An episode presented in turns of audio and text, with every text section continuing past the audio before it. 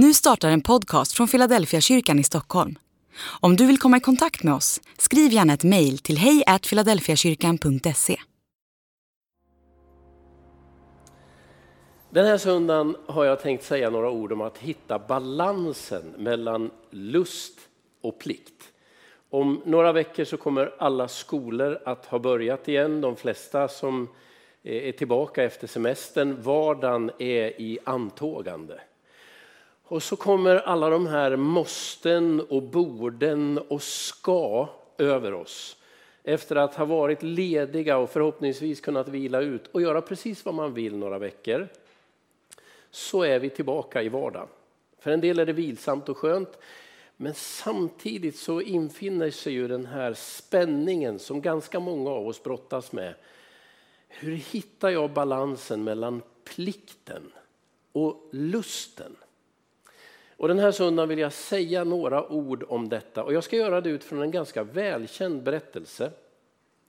Den finns i Lukas evangeliets tionde kapitel. Det är en berättelse som handlar om gästfrihet. Det är två kvinnor, en som heter Marta och en som heter Maria. De är systrar som bjuder hem Jesus och tar emot honom. Och jag läser den här berättelsen och sen ska jag kommentera den just utifrån perspektiv plikt och lust. Man kan naturligtvis tolka den här berättelsen utifrån kvinnors roll. Det är ganska vanligt, den här återkommer. Kan kvinnor vara lärjungar? Hur nära Jesus kan de vara? Det här är en nyckelberättelse i det perspektivet. Men det lägger jag lite grann åt sidan idag och ska bara försöka fånga upp frågan om lusten och plikten eller plikten och lusten. Så följ med nu så läser vi ifrån Lukas evangelium kapitel 10, vers 38 till 42. Medan de var på väg gick Jesus in i en by och en kvinna som hette Marta bjöd honom hem till sig.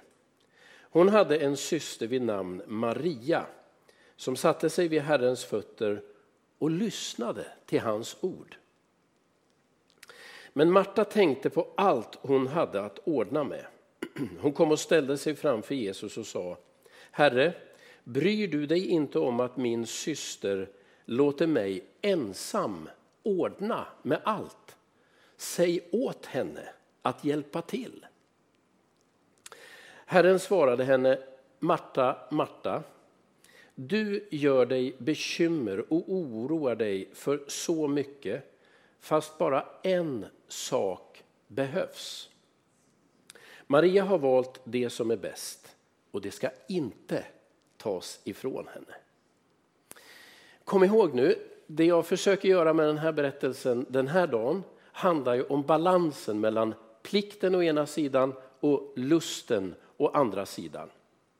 Och de här två kvinnorna, de bägge systrarna, de får liksom illustrera lusten och plikten.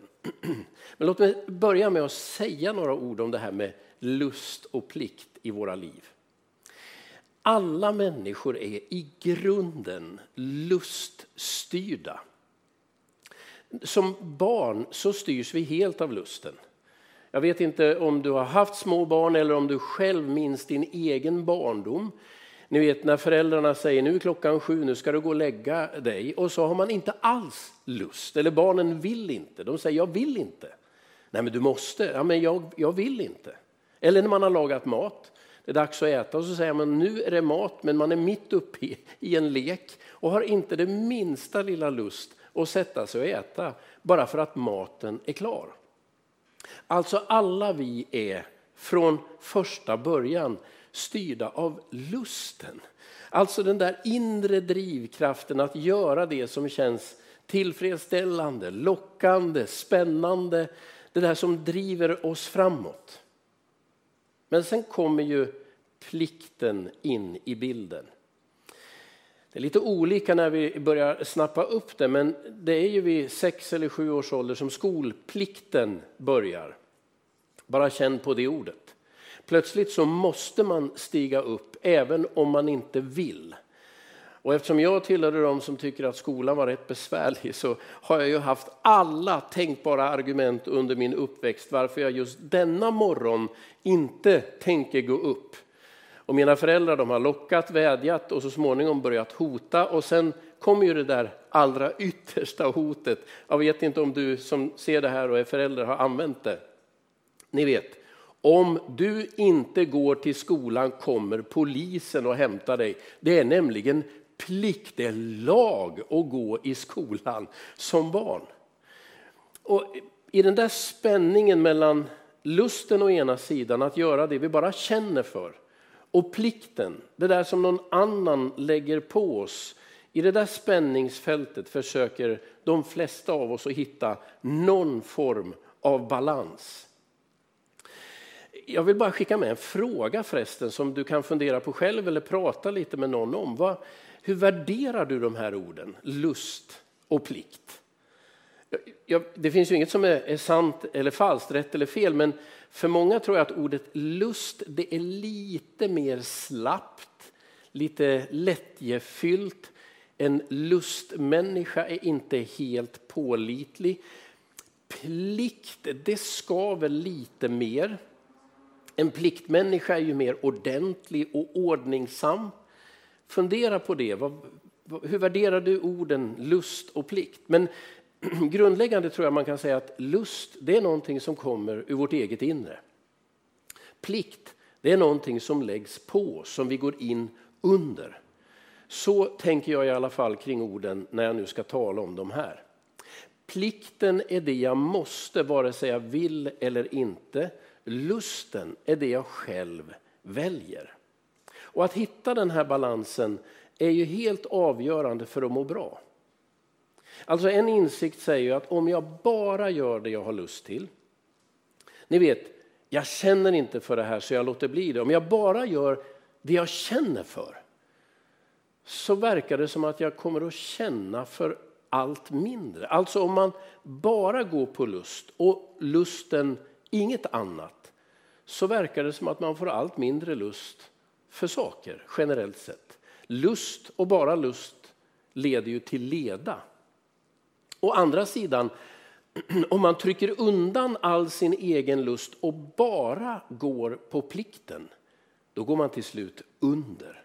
Det är som att allt blir svartvitt till sist. Från att ha varit en färgrik, lockande tillvaro så blir allt grått, olika skalor av grått.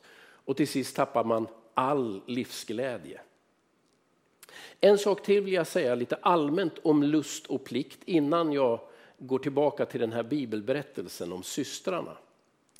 Jag uppfattar att vi människor har en rad olika sorts lustar. Matlust, den är rätt framträdande hos mig. Jag finner en sån där barnslig glädje att äta goda saker. Man har lust, Vi har, vi har sexuell lust. Vi har en, en rad olika lustar. Och det jag har lärt mig som pastor, jag har inget, inget annat att falla tillbaka på än min egen erfarenhet, det är att de här olika lustarna de verkar sitta ihop. Och det är en illavarslande signal när människor börjar tappa någon av de här lustarna. Det är en sån här en sån här hälsofråga. Någonting är inte bra i ditt liv när matlusten börjar försvinna bort, när livslusten bleknar eller när man tappar lusten till den människa man lever med om man har fått den nåden och inte längre har tillgång till sin sexualitet. Det brukar vara en signal på att något inte står rätt till. Och Det kan vara olika lustar någonstans, men de sitter ihop som ett sorts ekosystem av oss. Och så länge vi har tillgång till lusten så mår vi bra. Men om vi är helt utlämnade åt lust och inte står under någon plikt, då mår vi inte heller bra. Så hur hittar man balans mellan lust och plikt? Ja, eftersom tron är så avgörande för mig och jag, jag tänker att för den människa som få tag i en tro så blir tron oftast ganska så grundläggande i ens liv. Det, det kommer att påverka ganska mycket av förhållningssätten. Så tror jag att om man får tag i lust och pliktbalansen i den här berättelsen Om man får tag i lust och pliktbalansen i Bibelns större berättelse så skulle det på sikt också kunna hjälpa en att hålla lust och pliktbalansen på andra områden i livet. Så till den här berättelsen nu då, Marta och Maria. Den handlar ju om gästfrihet, de tar emot Jesus. Och både Marta och Maria välkomnar honom, men de gör det på olika sätt. Marta tar emot Jesus, visar generositet genom att försöka ge Jesus någonting. Och med stor säkerhet handlar det om mat. Alltså hon vill enligt den orientaliska gästfrihetens sed duka upp en rejäl måltid framför Jesus. Och hon sätter sidan till. Hon har naturligtvis hela det kulturella arvet, sin fostran, en plikt att ge Jesus det gästfriheten kräver.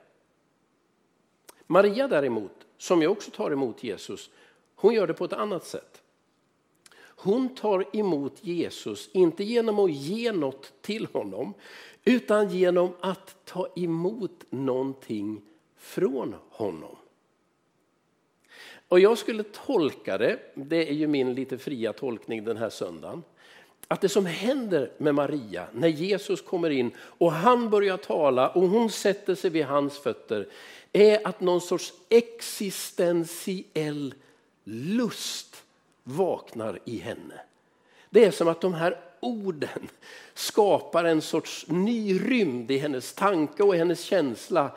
Det den här mannen säger det väcker ett gensvar djupt i hennes inre som gör att hon vill bara höra mer.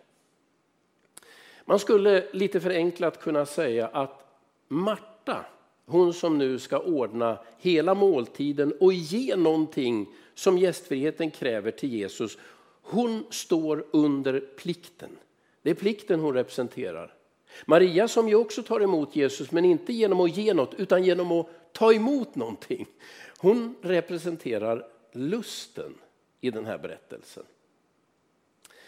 Så vad säger i så fall de här två kvinnorna om balans mellan lust och plikt? Och vad säger Jesus om den där balansen? Ja, men det första man kan notera från Marta det är ju att när plikten tar över, vilket det verkar göra, så börjar hon direkt jämföra med andra. Hon kommer till Jesus och säger, se åt Maria och hjälpa till. Det är ju inte så att hon gör det här därför att hon själv har lust, för då jämför man inte med andra, då går man på egen energi.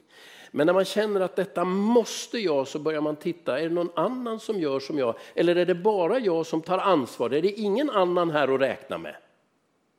Är det typiska pliktmänniskans lite bittra kommentar. Vad gör alla andra? Är det bara jag som är att räkna med? Säg åt henne att hjälpa till. Vad svarar Jesus Marta? Ja, det är ju lite förbryllande och när du har hört det här så har du säkert fått olika förklaringar. Jesus säger Marta, Marta, du bekymrar dig för så många saker, men det är bara en sak som behövs. Vad, vad menar han?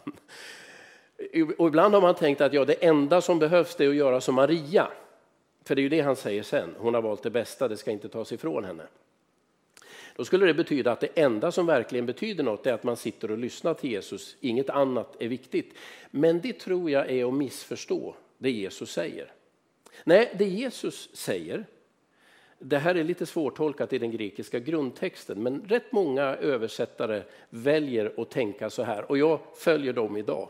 Det Jesus säger till Marta, det är det räcker med en rätt. Det vill säga, du behöver inte duka upp ett helt bord. Det behövs inte förrätt, varmrätt och efterrätt. Det går alldeles utmärkt med en kopp te och en fralla. Det vill säga, Jesus sätter en gräns för plikten.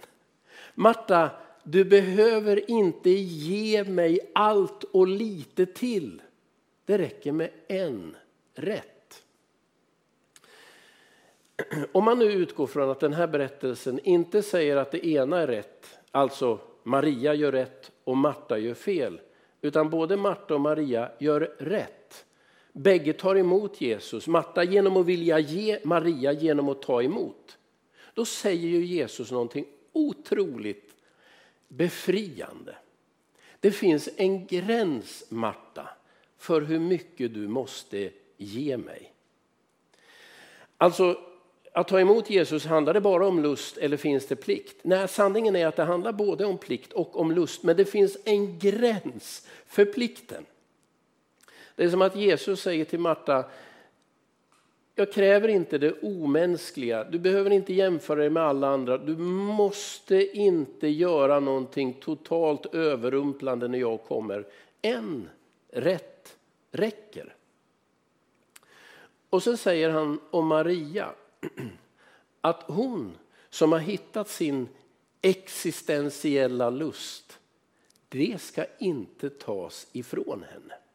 Så om man nu läser berättelsen om Marta och Maria som frågan om balans mellan lust och plikt så är det helt uppenbart att plikten finns men den har en given gräns. Och lusten, att lyssna till det Jesus säger, att på något sätt låta själen fyllas. Att inte tänka att jag måste ge, utan jag får ta emot. Han ger någonting till mig. Det är faktiskt viktigare. Om man nu tar det här mönstret och tänker att det där är inte bara ett mönster i den här berättelsen, det där verkar vara ett återkommande mönster i Bibeln, så kan man nog se att jo, så är det. Att bli kristen det innebär naturligtvis att jag går in under en viss plikt. Men det finns en gräns. Det viktiga är att jag hittar min lust. Lusten till tron, lusten till församlingen, lusten att vara med. Men det är inte bara lust, det finns en plikt. Ett exempel är när Paulus skriver till församlingen i Korint, andra Korintierbrevet kapitel 8 och kapitel 9. Där gör Paulus det vi försöker göra i vår tids kyrkor också, han ska samla in pengar. Därför att församlingen i Jerusalem har råkat illa ut och han vill att den där gemenskapen i Korint ska göra sitt yttersta för att faktiskt hjälpa sina trossyskon. Och så säger han i, i sammanhanget att Gud älskar en glad givare. En god vän till mig läste det där och eftersom hans familj hade drabbats av sorg så sa han, hur ska jag tänka nu? Jag är ju ledsen, kan inte jag vara med och ge? Nej, det är ju inte det att du, att du emellanåt känner att du drabbas av depression eller är, är tung i sinnet och då inte kan eller får vara med och ge. Men det Paulus säger är att Gud har ett gott öga till det du ger av lust och glädje. Då kan man tänka sig att, att om man inte har lust då behöver man inte ge. Men nej, Paulus trycker nog på och säger att med tanke på den gåva Gud har gett så finns det nog också en plikt för dig att vara med. Men det han lyfter är lusten. Det vill säga i bibelord efter bibelord och sammanhang efter sammanhang så inser jag att kristen tro den består av plikt men mest av lust. Och det verkar som att hitta sin lust, sin glädje i gemenskapen med Jesus, i livet i församlingen, det är avgörande. Men när du har hittat den lusten så finns det också vissa förpliktelser som du bör bära. Men de har rimliga nivåer och de har rimliga gränser. I Romarbrevet kapitel 12 finns ett annat sånt här exempel då Paulus försöker beskriva hur man ska förhålla sig till människor runt omkring och så säger han i, i, i Romarbrevet 12 att håll fred med alla så långt det är möjligt och kommer an på er. Jo, men det är klart det finns en plikt att faktiskt söka fred med alla, men den har sina gränser. Ibland kan du faktiskt inte styra det. Du råder inte över det och du kan inte påverka det ja men då är det som det är. Du behöver inte bära dåligt samvete för att det finns människor du inte kommer överens med när det inte längre beror på dig och när det inte längre är möjligt. Gång efter gång balanserar Bibeln, tycker jag, på ett förnämligt sätt just plikten och lusten. Både Marta och Maria tar emot Jesus. Marta gör det genom att ge något till Jesus. Jesus bejakar det Marta gör, men säger det räcker med en rätt idag. Det vill säga om du tar emot Jesus, det finns en förväntan både i evangelierna och hos Jesus själv att du också ger någonting tillbaka.